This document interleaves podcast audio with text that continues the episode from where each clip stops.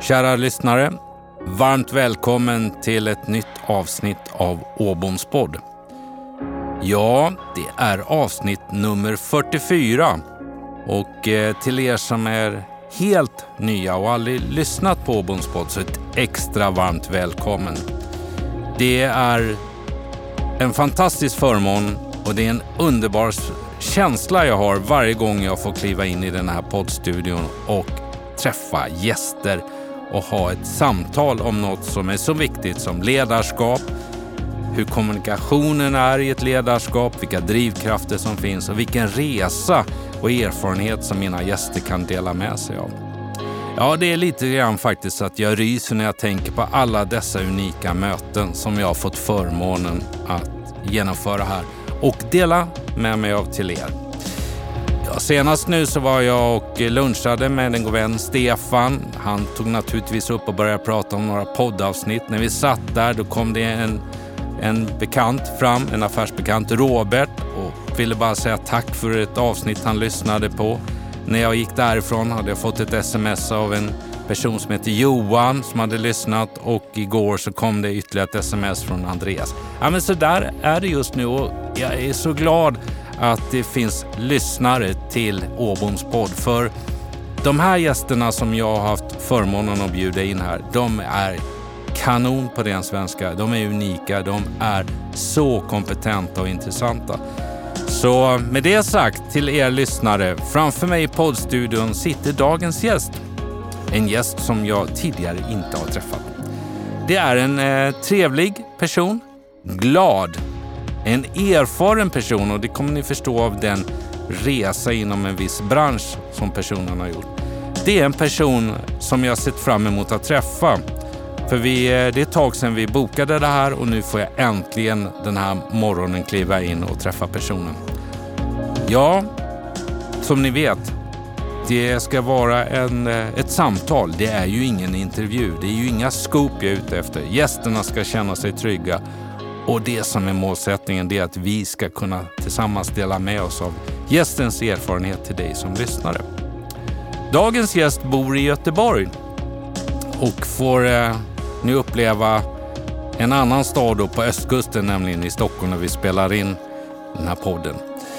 Jag hittar i början här en utbildning. Jag hittar en ekonomimagister från Handelshögskolan vid Göteborgs universitet.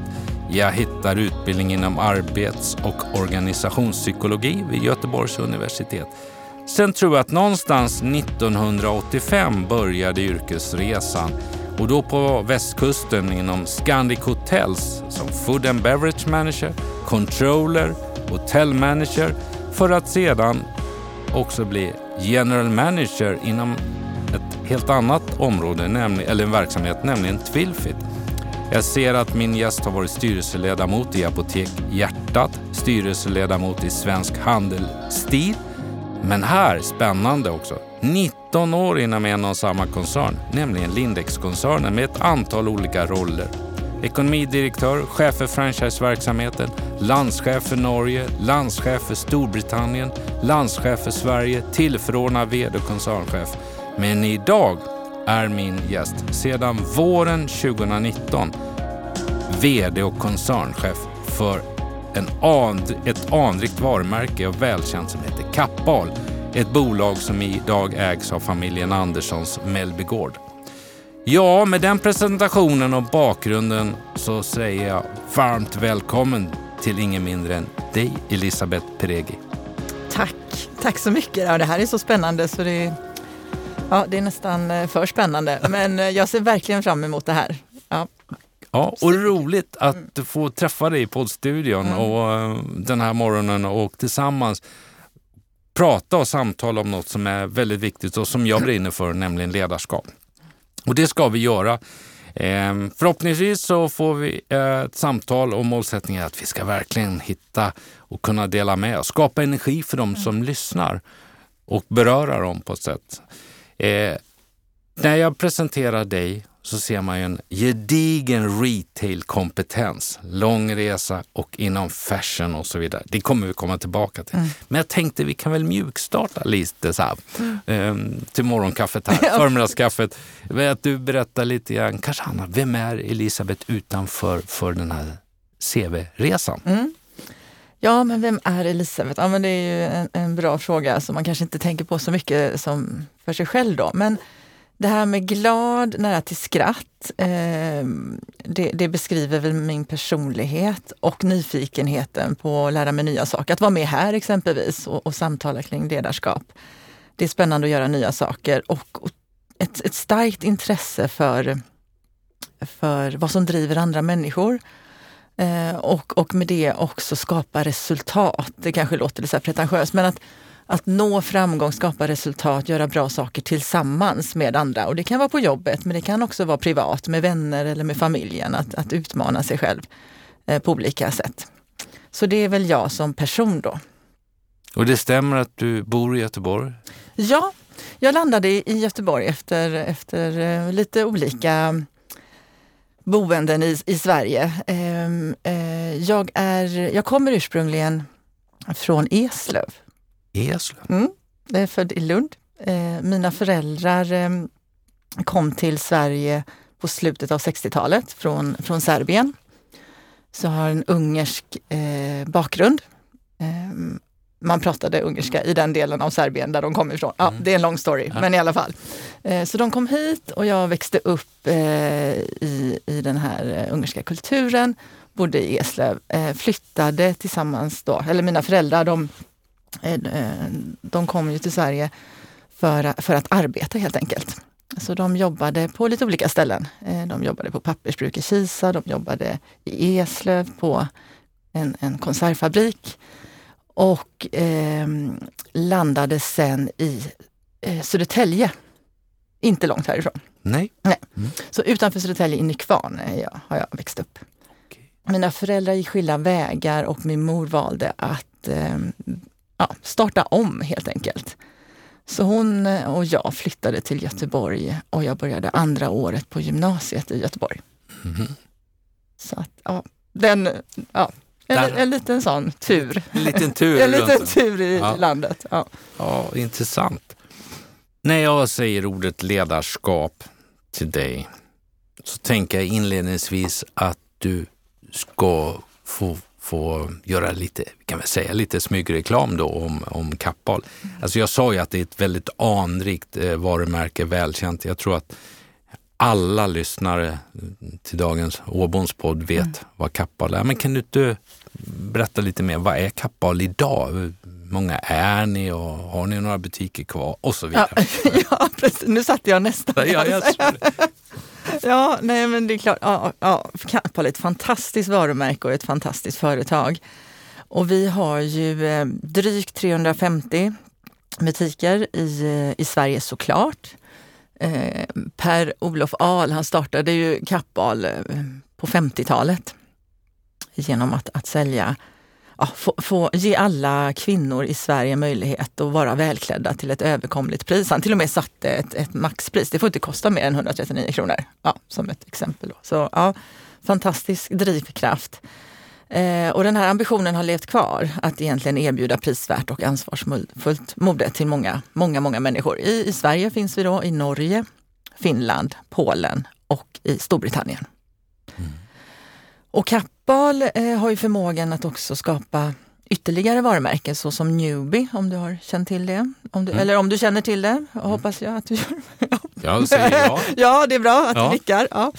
Eh, och vi har också ytterligare varumärken som vi jobbar fram då inom Kappahl-koncernen.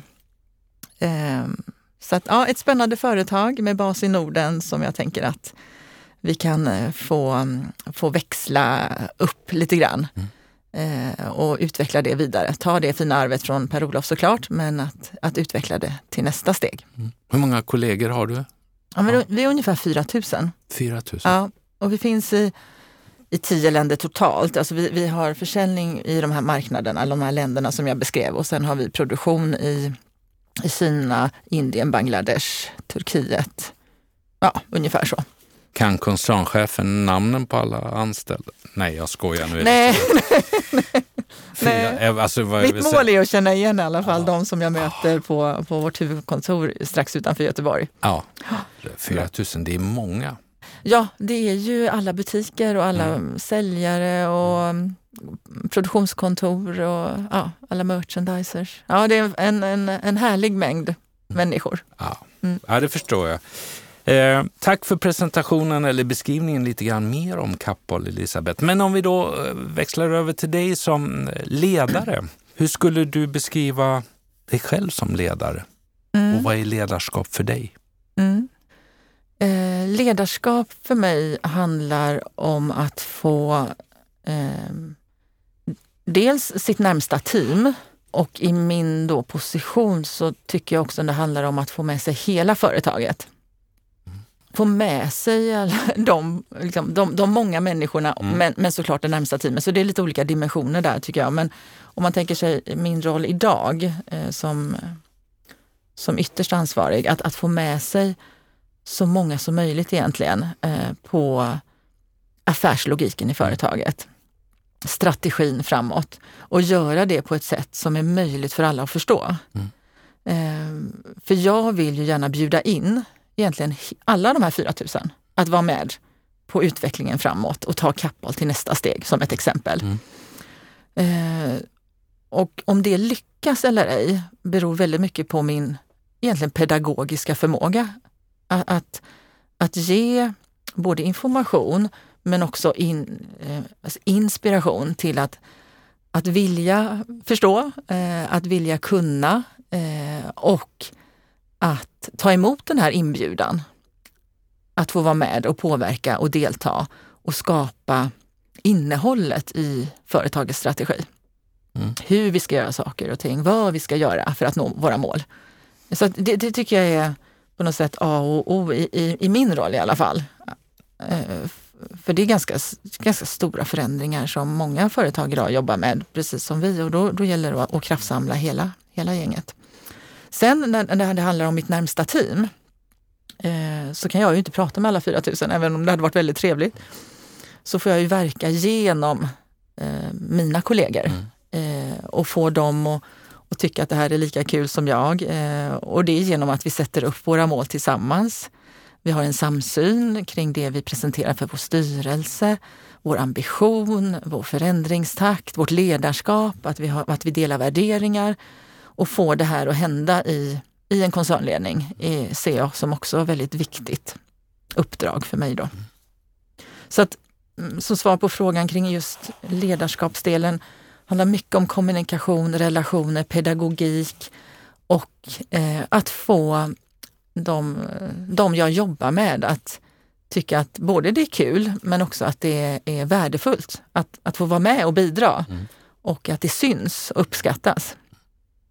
Om du med tre egna ord då skulle beskriva dig som ledare, mm. ledaren Elisabeth Perege, mm. vad skulle det vara? Jag är... Eh, eh, jag, jag, försöker i alla fall vara, och, och, det är väl den ofta jag får feedback också på det, att, att jag är närvarande.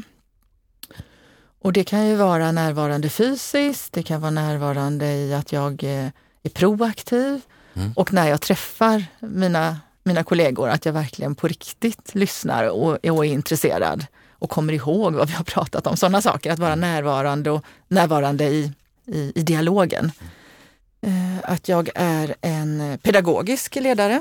Eh, jag kan förklara på ett enkelt sätt något som kanske är, kan, kan bli svårt att förstå om man, om man inte gör det enkelt. Eh, och det beror ju på var man kommer ifrån, vad man har för bakgrundskunskap och erfarenhet. Så att verkligen göra det enkelt att ta till sig eh, mål, strategier. Eh, vem är kunden? Hur ser hon ut? Att förklara och beskriva så att alla kan, kan vara med på resan. Så vad var det jag sa här nu? Jag sa att jag är pedagogisk och jag är närvarande. Sen, sen ser jag mig som ganska hjälpsam också. Jag vill liksom att det ska gå bra. Jag vill hjälpa till, jag vill stötta. Ja, det är väl de tre, tre orden jag kommer på just sådär. Mm. Mm.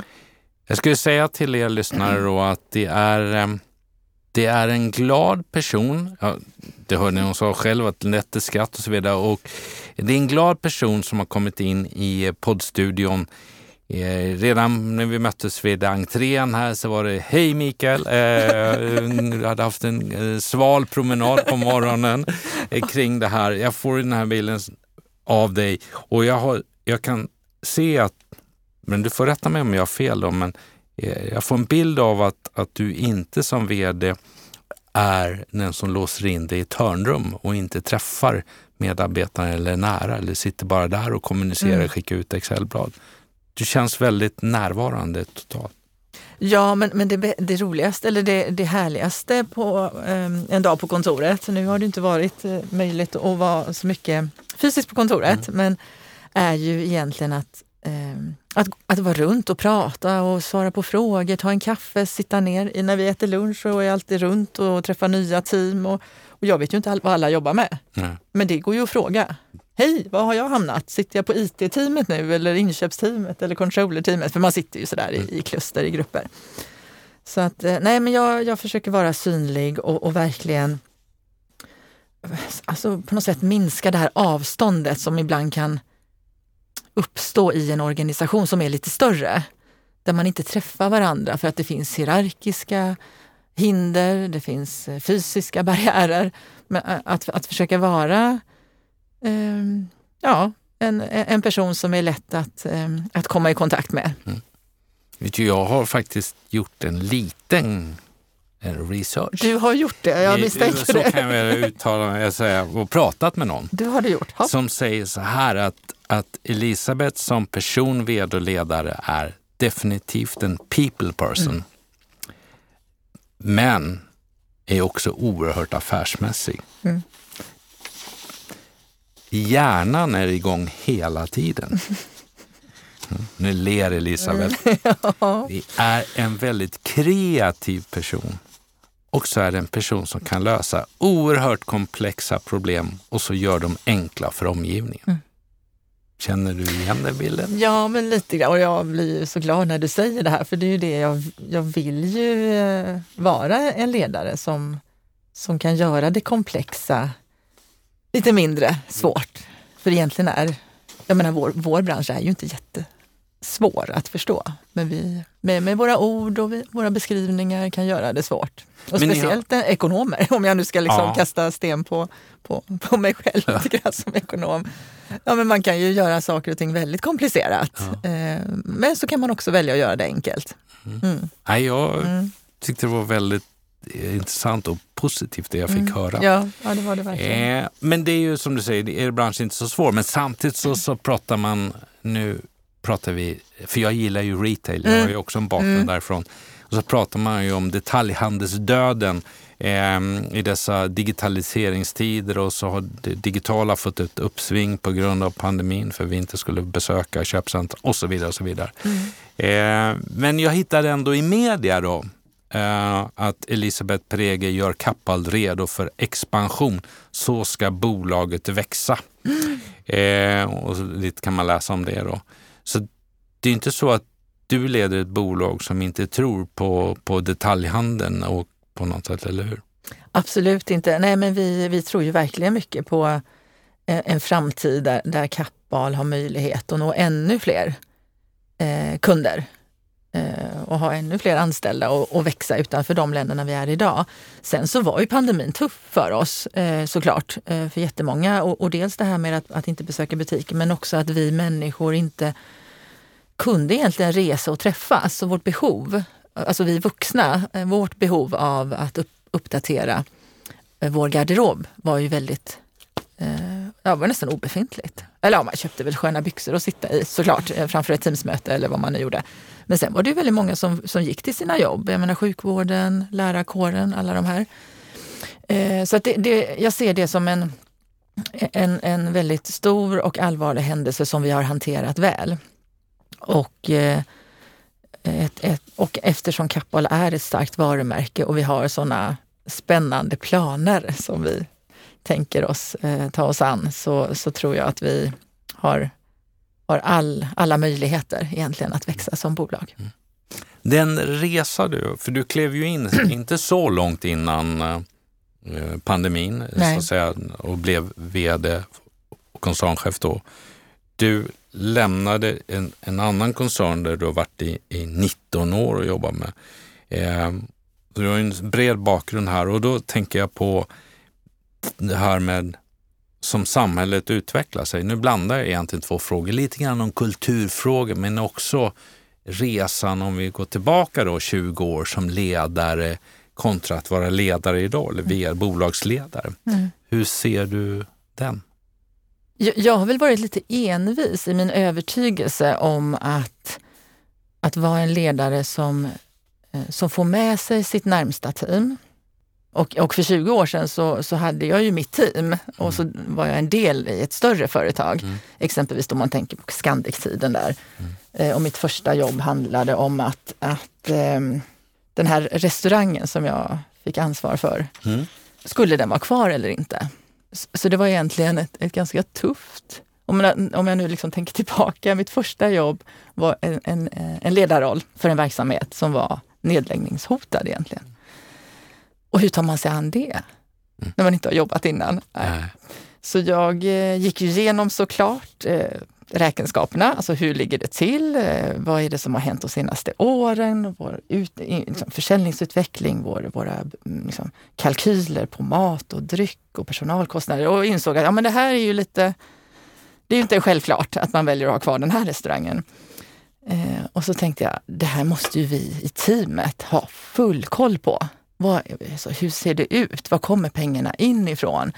Och vad går pengarna åt till? Så att vi, jag, jag tog med det. var köksmästaren och serveringspersonal och disk och det var eh, frukost. Ja, det var vet, eh, ett helt gäng då som, som jobbade med den här restaurangen som tillhörde ett hotell, eh, Scandic.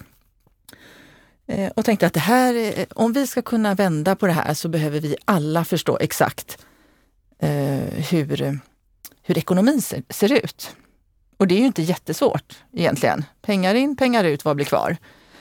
Och sen satte vi oss ihop och funderade på hur ska vi lösa det här? För det är ju vår, vår restaurang tillsammans, det är vår arbetsplats. Och det bubblade av idéer. Och det, är de många små idéerna som, det var de många små idéerna som räddade den här restaurangen. Allt ifrån den här linneduken som kostar 1,50, eller jag kommer inte ihåg exakt, men typ. Eh, ska vi, ska vi skippa tappa den. Alltså bordet är ju ändå ganska fint utan linneduk. Så att, och hur gör vi nu med vår bemanning? Kan vi ändra lite? Kan vi eh, skarva lite på, alltså kan vi hjälpas åt över våra avdelningsgränser så att man inte har fulla bemanningar i, i alla områden. Och, ja, och vi åkte ut på stan och, och marknadsförde restaurangen och bjöd på bullar och åkte till res, eh, olika företag för att skapa liksom, ett engagemang i lilla Vänersborg. Då. Eh, och det är klart att vi fick ordning på den här restaurangen. Folk tyckte det var jättekul, för när de kom, alltså våra gäster när de kom, så var ju personalen så engagerad i det här. Så att jag tror, alltså, och, och, det, ja rätt eller fel, det funkade då. Eh, och jag har valt att hålla fast vid det. Jag tänker så här, ja, varför ändra på det här konceptet med att låta alla som är inblandade få full insyn och också förklara så att alla verkligen förstår och inga frågor är dumma. Till att skapa ett, ett mål. Det kan ju vara antingen överlevnad eller vi ska öka vår försäljning eller vi ska ställa om eh, vår teknik, whatever. Eh, och sen fundera på hur ska vi göra det här, vem gör vad? Och så får jag som ledare hela tiden heja på såklart och följa upp, hur ligger vi till? Eh, vad har vi lärt oss? Eh, ska vi fortsätta med, med A, B, C eller ska vi ändra till X, Y, Z? Så att Alltså det, det, det, det blir väldigt roligt och det blir väldigt kreativt. Och sen, sen så har jag också under årens lopp, för jag har hållit i den här modellen och mm. kör den oavsett om det är en restaurang eller om det är ett stort bolag. Ja, spännande. ja, ja och, och, jag brukar också säga det att det här kommer ta lite längre tid än om jag hade bestämt allt själv. Men det kommer bli så mycket roligare och så mycket bättre. Mm. Så att ja, vi ska ta snabba beslut när vi behöver det, men vi ska jobba igenom planen grundligt tillsammans och vi ska förankra den också med, med våra ägare. Eh, och så får man ju då hejda sig lite, för det är så roligt. Eh, jag tycker ju saker, eller det jag jobbar med är roligt. Så jag får inte bli den här copyn eller designen eller eh, den här checka ja, lite IT-idéer, utan man får verkligen hejda sig. för alltså Kompetensmässigt så är ju oftast en, en VD i underläge eh, på spetskompetens inom olika områden. Så att man får ju verkligen hålla tungan rätt i mun där och inte ja, komma på idéer som folk inte kan med och säga nej till. Ja. Så att, eh, ja, nej men jag, jag har hållit fast vid den modellen egentligen, att jobba på det sättet.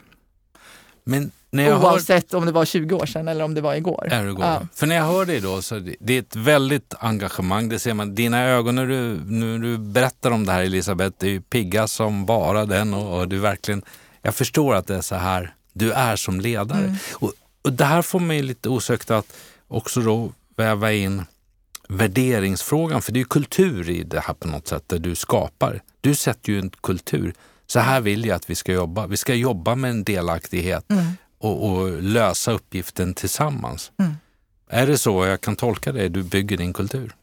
Eh, ja, det, det, det är så jag tror att eh, riktigt eh, bra resultat skapas. Är det en större utmaning idag, för om vi nu tittar tillbaka alltså 20 år till exempel. Mm. Idag så finns det sociala medier, det finns intranät. Eh, mm. Vdn kan vara på LinkedIn, på Instagram, på Twitter och så vidare. Och så vidare. Mm. Det är ett brus på ett annat mm. Ser du att det är en större utmaning idag att hålla fast vid din modell, att få det genomslag? Eller har du hittat vägar fram i din organisation? Alltså jag tror nästan att det är lättare idag. Mm. Eh, svårare för mig kanske att hänga med, eh, för, för, för det går ju så fort. Eh, och information idag är eh, sprids på ett annat sätt. Det finns en tillgänglighet. Eh, det är väldigt få dokument, tror jag i alla fall, på ett företag som är tops, alltså totalt konfidentiella.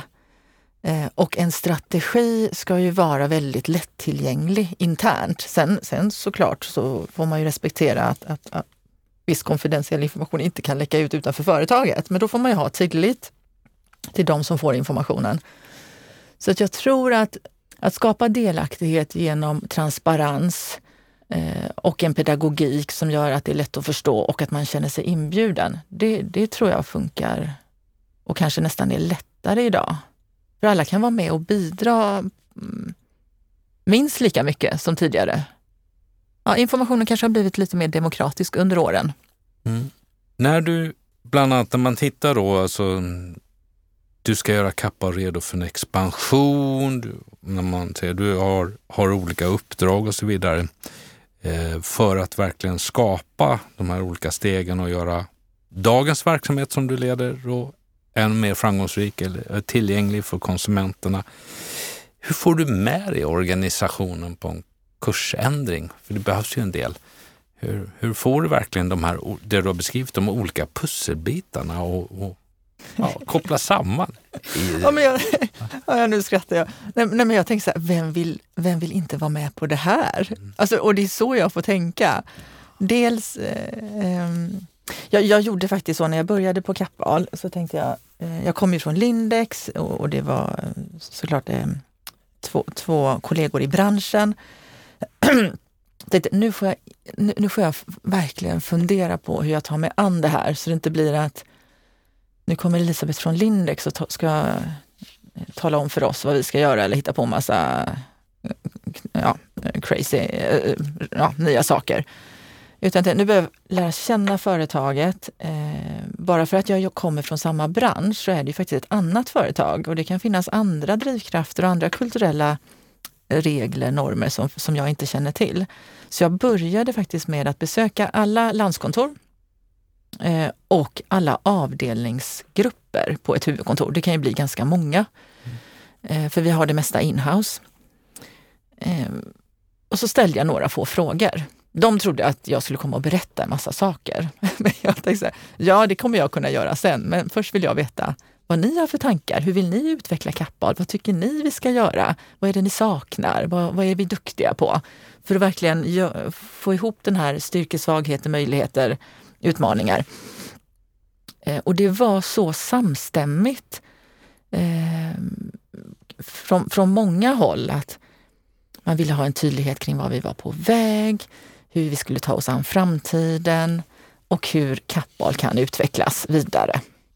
Så det var, det var ganska, ska man säga, eh, en smidig eh, start på så sätt att det fanns ett sånt sug. Mm. Eh, och jag fick ju så mycket information när jag ställde de här två frågorna eh, som, som jag och ledningen tillsammans kunde använda. För det var inte alltid att ledningspersonen satt med på avdelningsmötet, Nej. utan jag fick ju ibland prata med ja, avdelningar utan att eh, högsta chef, eller avdelningens högsta chef var, var på plats. Så jag fick ju massa, massa information. Och, så, eh, så på den vägen är det. Och sen eh, eftersom vi har baserat vår strategi på våra kunders behov och frustration kring, kring mode, handla kläder, men också frustration i samhället, så, så bygger vi ju vår framtid på kundinsikter. Och våra kunder är ju, ska man säga, deras input är ju så otroligt värdefull och den kan vi på något sätt bara omfamna. Mm, intressant. Så det blir ju inte Elisabeth som tycker, utan Nej, det blir ju kunderna tycker. Kunderna vi anpassar oss, eh, alltså för ehm, Kappahl som varumärke då. Mm. Sen själva strukturen i hur ska vi göra Kappahl som bolag med dess olika varumärken redo för tillväxt. Mm. Det är ju någonting som vi själva får klura ut. Vilka saker behöver vi göra annorlunda de kommande åren för att Kappahl ska bli ett, ett företag som växer med lönsamhet? Mm. För att växa kan man ju göra, men det är inte säkert att man har lönsamheten med sig. Och då, då är det ganska många olika saker man behöver se över. Både den kommersiella affären, men också systemstöd, kundmöte, det kulturella i bolaget etc. etc. Och de sakerna har vi då beskrivit för oss själva eh, och kommunicerat ut på ett väldigt enkelt sätt med några få liksom, ledord och lite ja, figurer och sådär. Så att det är, eller, det är hanterbart. Inte figurer, men alltså jag menar ja, visuellt. Visuellt. visuellt. Mm. Så muntligt, visuellt och eh, på ett, på ett eh, lätt, lätt begripligt sätt. Du lyssnar på Åboms podd. Åboms podd är producerad i nära samarbete med tidningen Butikstrender, Sveriges största branschmagasin för dig som jobbar i dagligvaruhandeln och servicehandeln. Styrelseinstitutet, för dig som önskar hjälp med utbildning och rådgivning inom styrelseutveckling och bolagsstyrning. Och Red Means Go, en professionell studio för poddar och ljudböcker med personligt engagemang. Den här resan du gör med det nuvarande bolaget och den du har gjort till exempel då 19 år inom Lindex, så kommer jag att fundera på vad är det för drivkrafter Elisabeth har för att, uh, att lyckas och vad är det som gör det? Jag, jag, jag fick också reda på att mm. till exempel du verkar vara väldigt, eller som ska, oerhört morgonpigg. ja, just det. Mm. Inte så kvällspigg då. Nej. Det stämmer. ja, oerhört. Nej, men eh, jag är mer morgonpigg än, ja. än kvällspigg. Hoppar upp på morgonen och säger äntligen nu får jag gå till jobbet. ja, ja. Mm. Okay. det händer väl. Lite nyanserat. Lite nyanserat. Ja. Om vi tittar på dina drivkrafter då. Mm. Vad är det som motiverar dig? Vad är det som gör att du eh, leder och så tar liksom, du, du ska flytta Kappa tillsammans med 4 000 anställda till en liksom, ny nivå och, mm. och så vidare. Nej, men jag, jag det första jag kommer att tänka på är att, att nej, jag, jag är en ambitiös person och vill lyckas med det jag tar mig an. Så det är ju en, en driv, drivkraft att lyckas. Och jag vet att jag inte gör det på egen hand. Jag tror väldigt mycket på att man gör det tillsammans med andra kompetenser, ener, andra energier och andras drivkraft såklart. Så, så, det som driver mig är ju det här att, att få saker och ting att hända och utveckla. Men också att det är spännande. Det är jättespännande att vara här med dig. Eh, eh, och, Tack tillsammans. Ja, ja men, men göra nya saker, lära sig nya saker. Ja, jag är ekonom i botten, men det finns ju massa spännande saker kring hållbarhet, eh, mångfald, eh, olika liksom, tillverkningsfilosofier. Nej, men det, det, finns ju så mycket spännande att lära sig. Så att, att fylla på med, med, med, med kunskap eh, är ju någonting som, som jag tycker är roligt. Oftast så säger jag att det som är roligt är också, det, det, det driver en framåt. Men, men, om jag ska ringa in någonting så är det väl den här att drivkraften att, att röra sig framåt, att få saker och ting att hända. För det är ett väldigt stort ansvar att vara VD ja, och koncernchef ja. för ett sådant stort bolag. Mm. Eh, som då ett välkänt varumärke eh, och så vidare. Mm. Och, och, och, och, det är det. Ibland så får man nog tänka, ta bort en nolla ibland, men eh, det, är, det är ju så stort som det är. Eh, och jag vill ju lyckas tillsammans med mitt team. Men det är klart att jag ibland tänker så här, oj det här är ju, wow, nu är det stora, stora frågor, stora beslut. Men ja, det har funkat hittills. Så jag tänker, ja, hur ska man säga, jag är ganska down to, alltså, mm. Du är trygg i din ja, jag, egen filosofi om man Jag är trygg i min egen filosofi och sen har inte jag en så liksom jag är ganska riskobenägen. så plan, plan A, plan B, plan C. Och vad händer om ifall att och hur, hur löser vi det? Så att det är inte så att jag bara drar på hejdlöst utan att, att ha, en, ha säkrat det här med, med många människor och många kompetenser. Mm. Nej, men jag, jag har stor respekt för, för både mitt uppdrag och, och företaget. Eh, företagets utveckling och varumärke ligger ju i händerna på oss som har det just nu. Mm. Så att det, ja, nej. Ägar, ägarformen till Lindex, hur, när du var där, var det börs? Ja, det var, ja, jag var ju där så länge ja. så det hann ju vara börsbolag, avnoteras och sen köptes det av Stockman som är börsnoterade i Helsingfors. Just det. Mm, så det var lite olika. Lite olika, då har mm. du den. Och nu så har du Kappahl som då eh, för ett par år sedan köptes ut från börsen av, av eh, Mellby Gård. Va? Precis, så när jag började så var det börsbolag, så ett halvår senare så köptes det eh, ut från börsen då av Mellby Gård. Mm. Så nu är det familjebolag. Nu är det familjebolag. Ja, ja, ja, ja, och då får mig. vi väl säga att, att eh, eh, koncernchefen på Mellby Gård, Johan Andersson, har ju mm. också varit ja, gäst här i podden. Så att ehm, eh, var ett, ett fint samtal även det, Elisabeth, med Johan. Eh, och då fick jag en bild av hur de är som ägare och hur de tänker. Intressant. Men här har du, här har du olika erfarenheter så att säga från börsen kontra familjebolag. Mm. Vad skulle, blir det en skillnad i att leda bolaget med ägarstrukturen? Ja, men viss skillnad blir det, även om jag alltid är så fokuserad på själva uppdraget som jag har just nu, oavsett var jag är i en organisation, så är det såklart en skillnad. Ehm, och den största skillnaden för mig som vd blir att i Mellby Gård, som är ett familjeägt bolag, så kommer ägarna så nära. Eh, jag tänker ibland på ja, men Rune och Johan och hela familjen. Eh, det är ju deras, om man säger, mm. Eh, bolag och jag vill ju inte annat än att göra ett fantastiskt bra jobb. Så att, ja, att den här, det här fina bolaget utvecklas och inte skadas på något sätt utan de, ibland så får man fundera på hur stor risk man kan ta i olika frågor.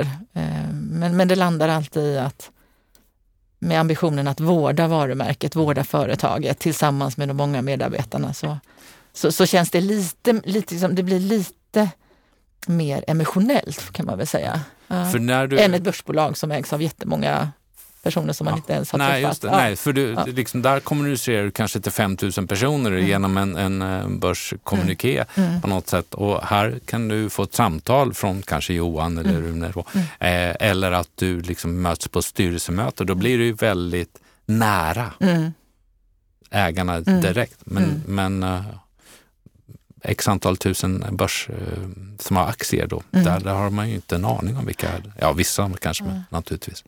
Och jag, jag, tycker det är så härligt att, att ha den här nära relationen. Ja men precis, jag menar Thomas, min styrelseordförande, ringde ju alldeles innan vi skulle starta. Och ja, men det, mm. det, det är snabb dialog, snabba beslut och, och en, en gemensam ambition att verkligen göra Kappahl till någonting riktigt, riktigt bra. Mm. Mm. Hållbarhet mm. hörde jag dig nämna kort här innan. Kan vi inte stanna upp lite grann med det? För hållbarhet är ju absolut inte bara en miljöfråga. Hållbarhet är så mycket mer med, med eh, mångfald, mm. manligt, kvinnligt, alltså helheten där. Mm. Hur, um, hur tänker du på det som ledare i din vardag?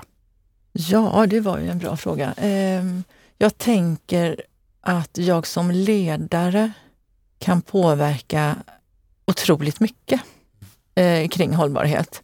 Och, och, hållbarhet finns med som en parameter i princip alla beslut vi tar framåt. Och som du säger, klimat är en sak. Sen har vi mångfald. Och sen har vi hållbar arbetsmiljö, att, att, att vi som jobbar ska trivas och ha en fungerande vardag. Ehm, så jag tänker att, att jag kan ju le försöka leva ett hållbart liv som, som Elisabeth och göra de val som, som är viktiga för mig eh, som privatperson. Men som ledare för ett ganska stort företag så kan jag påverka så otroligt mycket mer än jag kan göra som privatperson. Eh, på, på alla plan egentligen eftersom jag påverkar våra 4000 medarbetare och de många miljontals kunder vi har. Eh, så att det gäller att tänka, väga kortsiktiga eh, mål mot långsiktiga och få, eh, när det gäller liksom den sociala hållbarheten, att, att få folk att trivas och växa. Alltså, precis, att växa och utvecklas tror jag är jätteviktigt för självkänslan och för självförtroendet hos, hos de många eh, medarbetarna. Och att man tycker det, det är kul att, att, gå till jobbet, för det är ändå många dagar och många timmar per dag som, som vi arbetar. Mm. Eh, och sen såklart eh, vara med och ställa om. Även om du, du nämnde att det inte bara är klimat, så idag är hållbarhetsagendan väldigt mycket klimat eftersom det är så, det, det är så svart på vitt att ja. vi behöver ställa om. Och där eh, känner jag att eh, både jag själv men, men hela företaget, men om man nu tänker att jag, jag har ett otroligt stort ansvar där att vi som företag lyckas ställa om och minskar vår klimatpåverkan, eh, så, så är det ju otroligt viktigt att, att ta de, mm. de beslut som leder åt det hållet. För där har ni, ni har produktion, det är transporter mm. ut, det är och driften av alla, alla hundratals butiker. Mm. Så det är klart, ni kan verkligen göra skillnad och ja. göra nytta där. Ja, verkligen. Mm. Eh, absolut. Eh, så att, ja, en, en vädjan om att, att vi alla, du och jag, Mikael och alla vi känner, att vi använder våra kläder mm. så mycket som möjligt. De har en lång livslängd, så det får vi nyttja. Om jag, om jag, jag, jag delar det, för att om jag ska vara helt ärlig, ibland så går man och så går man hem och så tittar man i sin garderob eller klädkammare.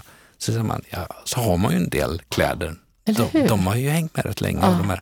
Men det, man behöver kanske inte alltid handla nytt, fast jag förstår att man ska gå in i era butiker och handla. Men de har en lång livslängd. Ja, och just att handla det man behöver är ju liksom en nyckel. Nu kanske inte du har ett plagg med, med prislappen på i garderoben, eller har du det? Nej, nej, nej, nej, Bra där. Det har jag inte. Nej, för det är inte ovanligt. Är det så? Ja, men det, det, det, finns statistik på det.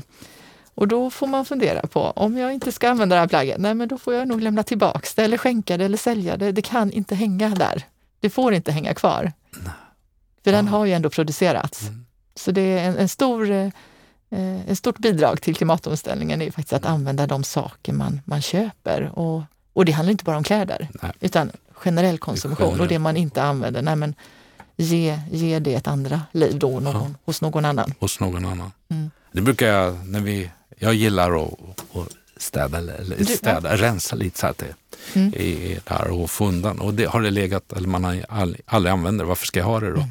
Då brukar jag tänka när jag har paketerat och åker och lämnar in det, mm. sån här återvinning för det.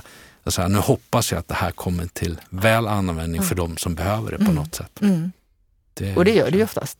Ja, det gör det. Mm. Normalt. Det ska det göra det i alla fall. Göra, absolut. Eh, ett avsnitt i Åboms podd som jag brinner lite extra för också, det är ju till de ledarna eller de yngre framförallt som är på väg att göra en resa. Mm. Jag är så tacksam. Jag berättade, jag var ju gäst i min egen podd här, det var pirrigt, mm. eh, i avsnitt 40 och då berättade jag om min resa från mm. mina förhållanden eh, så att säga, i, i uppväxten då, eller vad som fanns där och inte. Så tänker jag så här att det finns ju så mycket bra vi som har varit med ett tag, mm. gjort en resa, du med dina år som vd.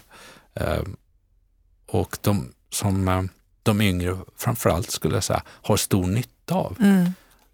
Har du funderat lite grann, vad, vad skulle din resa och din erfarenhet kunna vara att skicka med till de som lyssnar på Åboms podd och som är lite yngre? Mm, ja, det var ju en väldigt bra fråga. Eh, jag tänker att alla har ju en, en uppväxt. Eh, den kanske inte är perfekt. Det är sällan man har en perfekt uppväxt. Man kanske inte har perfekta förutsättningar eh, Eh, för att antingen läsa vidare eller få ett första bra jobb. Eh, så att vad jag skulle vilja skicka med är att oavsett hur, hur, hur din bakgrund ser ut, följ dina drömmar och försök eh, hitta liksom din väg fram. Det var ju inte självklart att jag skulle då, om man nu tycker att en akademisk utbildning är, är, är en bra sak, vilket mm, jag ändå rekommenderar någonstans att, att ha någon slags... Ja, det, det, är bra med utbildning helt enkelt. Eh, sen exakt hur den ser ut, det är en annan femma. Eh, och att ja, eh, man kanske inte har... Jag hade inga liksom, kontakter eller mina föräldrar hade ju inte... Liksom, ja, de, de kunde ju visserligen hyfsad svenska men jag valde att gå den vägen för jag, för jag kände att jag, jag ville. Det var ju ingen som tvingade mig till det. Och, och den uppmuntran jag fick var att nej men, gör så gott du kan så blir det säkert jättebra. Och det, det, det kan jag väl skicka med att följ din, din målbild eh, och eh, gör ditt yttersta. För det, det finns faktiskt möjligheter om, om du verkligen ger allt du har. Så låt dig inte begränsas av var du kommer ifrån, vad du heter, hur du ser ut e-, e-, eller vad du har för kontaktnät. Utan kanske detta låter lite sådär naivt, men tro på dig själv skulle jag vilja skicka med. Och vara öppen för, våga säga ja. Är det någonting som jag själv tänker är en liten röd tråd i det du beskriver om, om min resa så är det att jag har, jag har ju inte alltid trott att, att jag kanske klarar av alla de här rollerna. Men jag har tänkt att jag ska ge det en ärlig chans.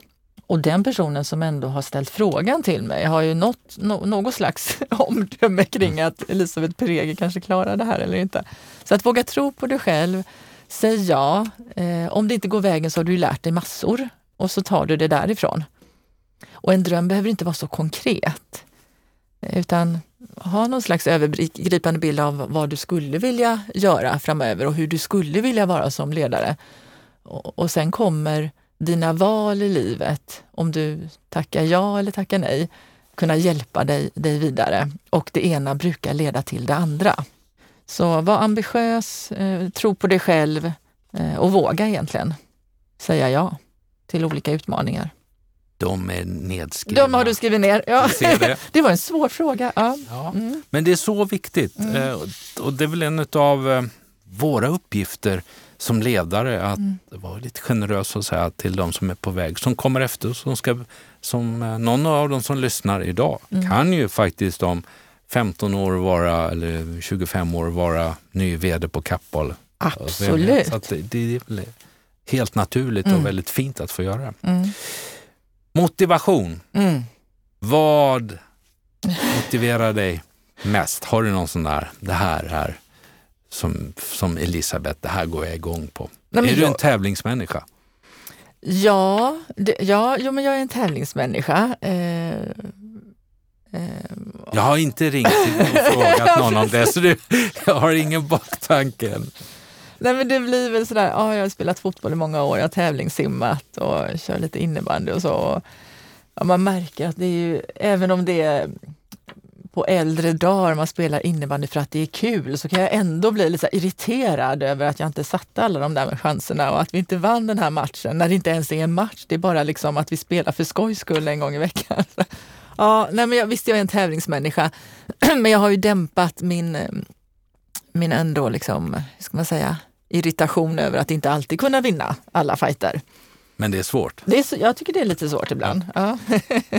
så vad, när du kommer hem, vi säger en fredag, och det kan ha varit bestående av en vecka med, varit ute på butiksbesök eller eh, ja, styrelsemöten, ledningsmöten, samtal med medarbetare, you name it. Ja.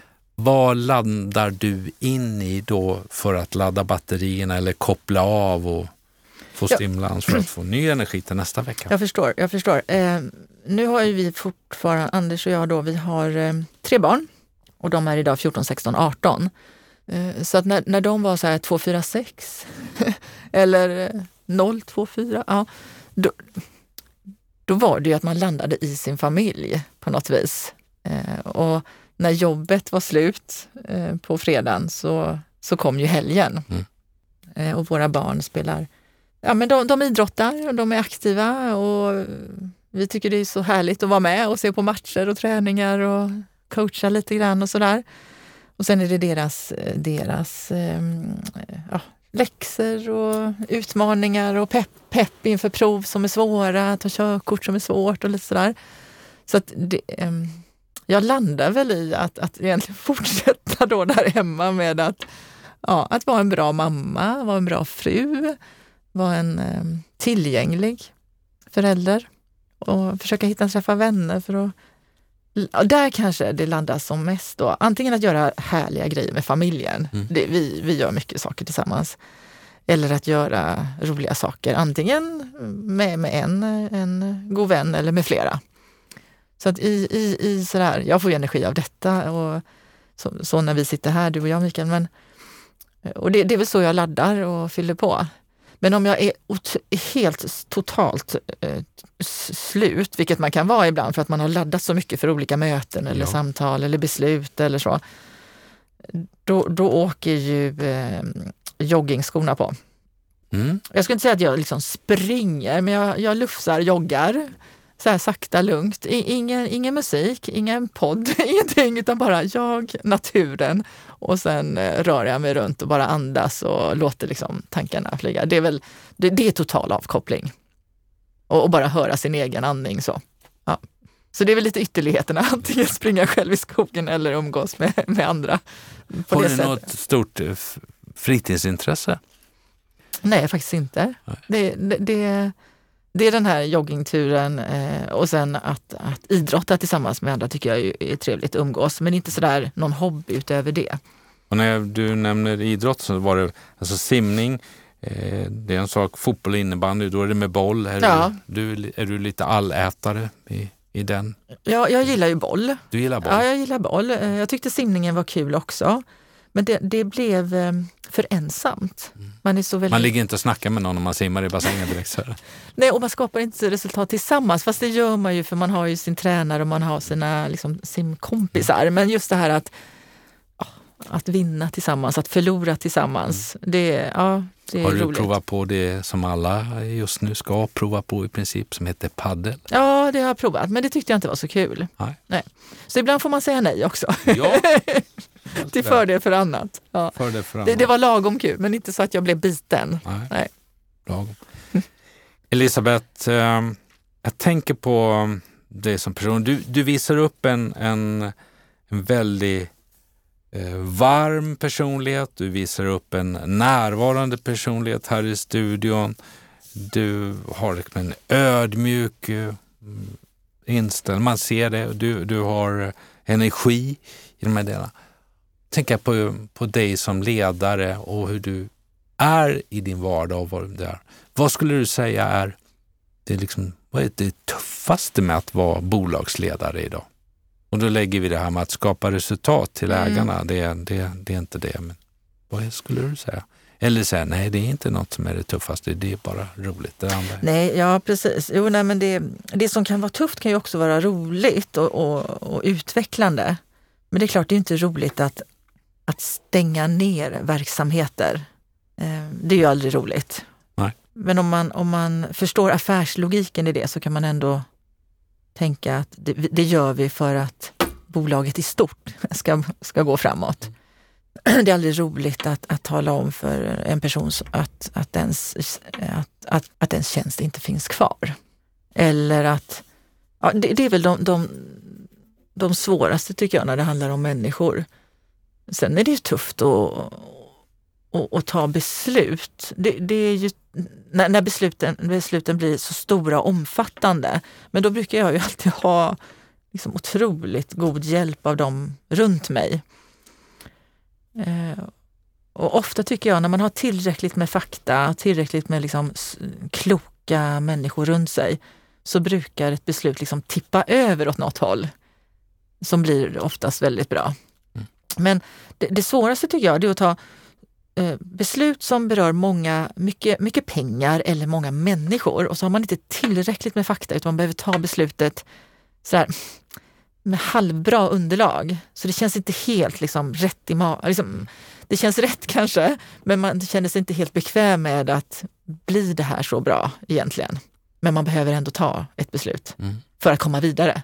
Sen så kan vi ju alltid ändra våra beslut om de inte är så definitiva så att det inte går. Så att, att hellre försöka ta liksom små beslut under vägen så, så kanske liksom det rättar till sig kring vilket liksom långsiktigt beslut vi ska landa i. Det, när, det... när, du tar de här besluten så tänker jag på att eh, ni är i, och verksamma i, i såväl produktion som i, i eh, butiksled i tio länder, 4 000 anställda, till lite olika kulturer. Mm.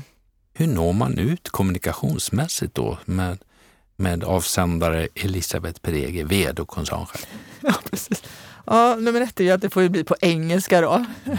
Broken English funkar bra. Okej, okay, härligt. Broken. eh, och eh, mycket visuellt stöd. Och ofta så tror jag det blir bäst när, när man sänder på något sätt verbalt, alltså man sänder muntligt så. Mm. Eh, och så finns det skriftligt också och så finns det visuellt också. Så att det är den här eh, oförtröttliga en, liksom, eh, ambitionen att, att nå ut. För det, det, man kan inte säga att jag lyckades inte nå ut för de förstod inte eller de, de hann inte eller så, utan det är ju alltid jag som ska se till att det går att ta till sig och att det finns, finns tillräckligt med bra förutsättningar för att, att, eh, att, eh, att förstå och, och, kunna vara, vara liksom delaktig.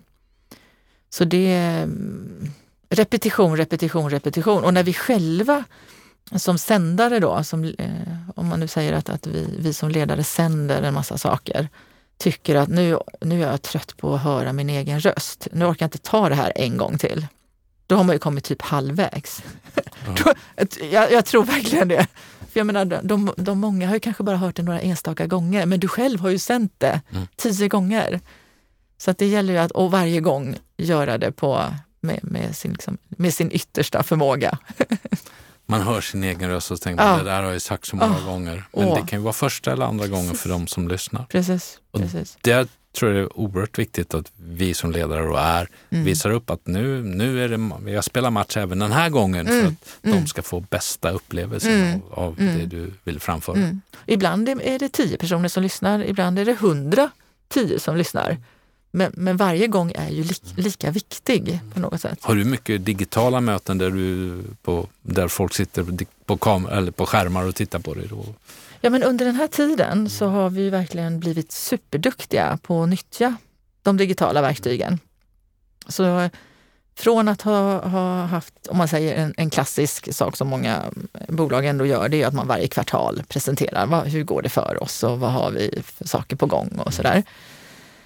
Eh, och då tänker jag både finansiellt men också om det är andra saker som man vill berätta om. Och så samlar man huvudkontoret till matsalen och så går man igenom det här, står man på scen och visar fina bilder. Mm. Till, på svenska. Mm. Yep. ja, till att nej men vi kör på engelska. Mm. Och vi kopplar upp alla länder. Inte bara huvudkontoret i Mölndal, utan vi kopplar upp alla våra försäljningsländer, produktionsländer och till och med våra butiker kanske vi skulle kunna koppla upp. Och det känns så självklart. Så så här, men varför har vi inte gjort det innan? Nej, men nu, har, nu tänker vi inte på varför vi inte har gjort det innan, utan nu gläds vi åt att vi faktiskt gör det. Eh, så det har ju blivit en, en riktig ögonöppnare på hur mycket enklare det faktiskt är om man lite grann lägger energi kring det hela. Eh, att nå ut till många fler. En rolig sak där var att jag också tänkte att nej, men vi kan inte bara stå här och rabbla. För det blir ju lätt, man har en powerpoint och så berättar man, även om det blev, blev bättre för att vi nådde fler och, och sådär. Så då gick vi över till att nej, men jag var en liten Mikael, eller jag var som du Mikael, att jag, jag modererade och så ställde jag frågor till vår ekonomidirektör. Jag ställde frågor till vår ja, designchef eller var, ja, marknadschef eller ja, HR-chef, hållbarhetschef ställde jag frågor kring det som vi skulle sända. Så då blev det att man lyssnade på någon slags intervju. Och så var det lite såklart pedagogiska powerpoints också som man kunde följa. Det tyckte ju hela gänget var superkul och så mycket enklare att hänga med i. Och då kunde jag som, som vd också styra om jag tyckte att den här personen kanske utelämnade någonting som var viktigt som jag ville sända, som jag inte fick möjlighet att sända eftersom jag inte pratade, jag intervjuade. Mm. Så kunde jag ställa frågor för att få fram det. Ja, nej men det, det har visat sig. Ja, så det finns mycket roligt man kan göra. Ja. Mm. Om jag är anställd i en verksamhet där du är högsta chef mm. Och är vd och jag skriver till dig mm. om jag är avdelningschef i en butik eller något sånt. Får man svar då? Absolut. Jag svarar på alla mejl och jag träffar alla som vill träffa mig. Ordet tillgänglig och en engagerad ledare.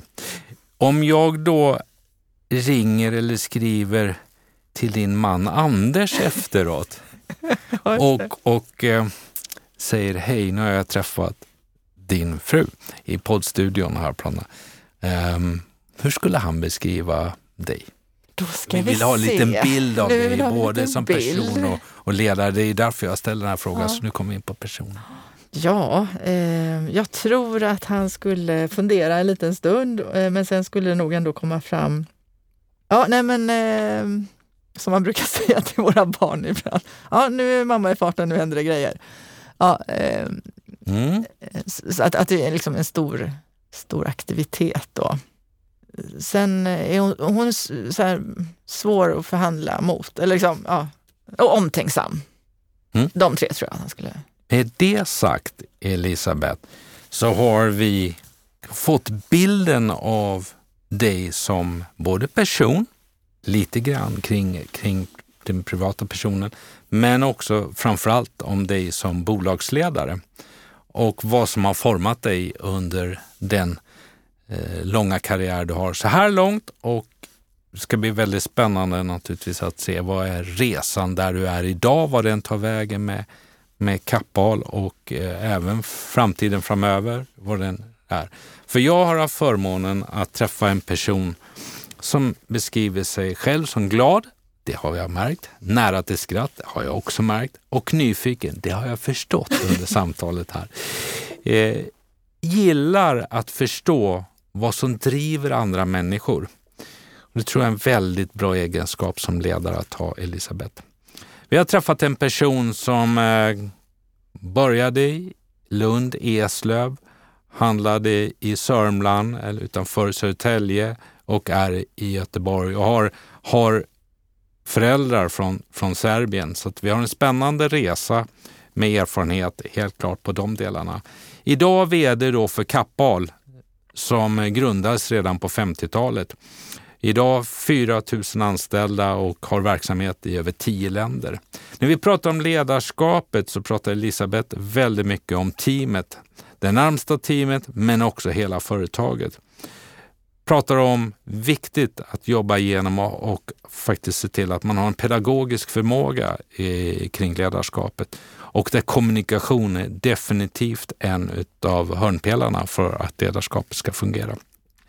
Som ledare, närvarande, pedagogisk och hjälpsam, sa Elisabeth när jag ställde frågan om hur, hur ser du själv på dig som ledare? Ja, karriären och de resorna man gör i livet formar naturligtvis en resa och inte minst kan vi ta exemplet som har den tuffa utmaningen med sitt första jobb, nämligen restaurangen som i princip var nedläggningshotat. Men där Elisabeth sam, samlade teamet och tillsammans hittade de lösningar och skapade det. Och det tror jag, eh, efter min analys, är någonting som är Elisabeths styrka, nämligen det här med ordet tillsammans, att göra det. Håll fast vid att eh, eh, ha gjort det när vi pratade om, skiljer det sig att vara ledare idag än för 20 år sedan? Ja, men då håller Elisabeth fast vid, nej men jag har hela tiden jobbat med delaktighet. Jag gillar att mitt team, min, min verksamhet har insyn. Jag gillar att vi sätter upp mål och vi ska vara tydliga med, med vem gör vad och att medarbetarna ska känna sig inbjuden. Det är ingen skillnad att vara ledare med det för 20 år sedan. Det fungerar idag, det konceptet. Entrén på Kappahl gav också en hel del värdefull. Alltså entrén, inte butiksentrén utan entrén för Elisabeth som VD. Nämligen att inte åka ut och ha alla lösningar utan vara den som ställde massa frågor. Och medarbetarna fick då ge sina svar och sen kom det naturligtvis frågor. Det där la en väldigt bra grund för starten på den här resan med Kappahl. Och den involverar Elisabeth väldigt mycket också i kundinsikter. Drivkraft för Elisabeth. Jag har hittat en ambitiös person, återigen tillsammans. Och så gillar hon det, det är mycket spännande. Jag tror att vi har en, en gäst idag som gillar utmaningar. Helt klart. Vi fick ju faktiskt fram, fick ju dra lite där, men jag förstod det här med tävlingsmänniska. Eh, jag tror att det inte varit helt lätt eh, för familjen eller vänner när de tävlar. Att, att hon är jättenöjd om hon blir trea. En drivkraft helt klart. Eh, riskobenägen naturligtvis utifrån att vilja veta för plan A, B, C. Men har en förmåga att fatta beslut för att ha bolag och verksamhet framåt. När vi kom in på hållbarhet så pratar vi om att en person, nämligen en ledare, kan göra så mycket och det är viktigt att vi som ledare tar det ansvaret idag i hållbarhetsfrågor. Till de yngre fick jag ner att följ dina drömmar som ett tips. Det andra tipset är försök verkligen hitta vägen framåt för att kunna få uppleva dina drömmar. Utbildning är bra oavsett vilken utbildning du väljer. Och sen, tro på dig själv. Var öppen och våga säga ja. Ta de här stegen. Och allt behöver inte vara så konkret ibland. Man behöver inte ha det i detalj allting, men ha ett mål och sen jobba vidare på det. När vi summerar Elisabeth Peregi utifrån dagens samtal i Åbons podd så har jag skrivit att ja, jag har mött en ledare som är väldigt trevlig. Jag har skrivit enkel. Och vad jag menar med det, tittar jag på dig Elisabeth, du lindar inte in det en massa svår, svåra korta förkortningar hit och dit. Det är enkelt att förstå mm. hur du är, vad du tänker mm. och därmed kan man också förstå vad du förväntar dig. Tillgänglig, ja det kan jag skriva under, det tror jag att du är fantastisk på. En väldigt ödmjuk ledare, en varm ledare och en eh, ledare som kräver en del naturligtvis, inte minst utifrån tävlingsmänniskan tror jag. Så att jag måste säga att det har varit eh, otroligt intressant att få över en timme sitta ner i poddstudion och eh, för första gången träffas live Elisabeth och lyssna på dig mm. och din, di, dig som ledare. Mm. Så det blev min summering av dagens avsnitt i Åboms podd. Känns det okej? Okay? Det känns jättebra. Ja, det här var roligare än jag trodde. Det var det. Mm. Tack ja. för det Mikael. Ja. Tack själv och det som jag säger, det är ju gästen som gör podden. Så tack för att du på ett generöst sätt har bidragit och, och delat med dig av till mina lyssnare mm. av hur det är att vara VD eh, för Kappahl, för att jobba i de olika koncernerna Men också hur du är som ledare, vad du ser som utmaningar eller viktiga egenskaper och hur du tänker. Mm. Oerhört värdefullt. Så med det sagt så önskar jag dig allt gott och stort lycka till med ditt uppdrag nu och eh, lycka till i de där innebandymatcherna ja, som du kör. ja, ja, men tack så mycket. Var rädd om dig. Tack.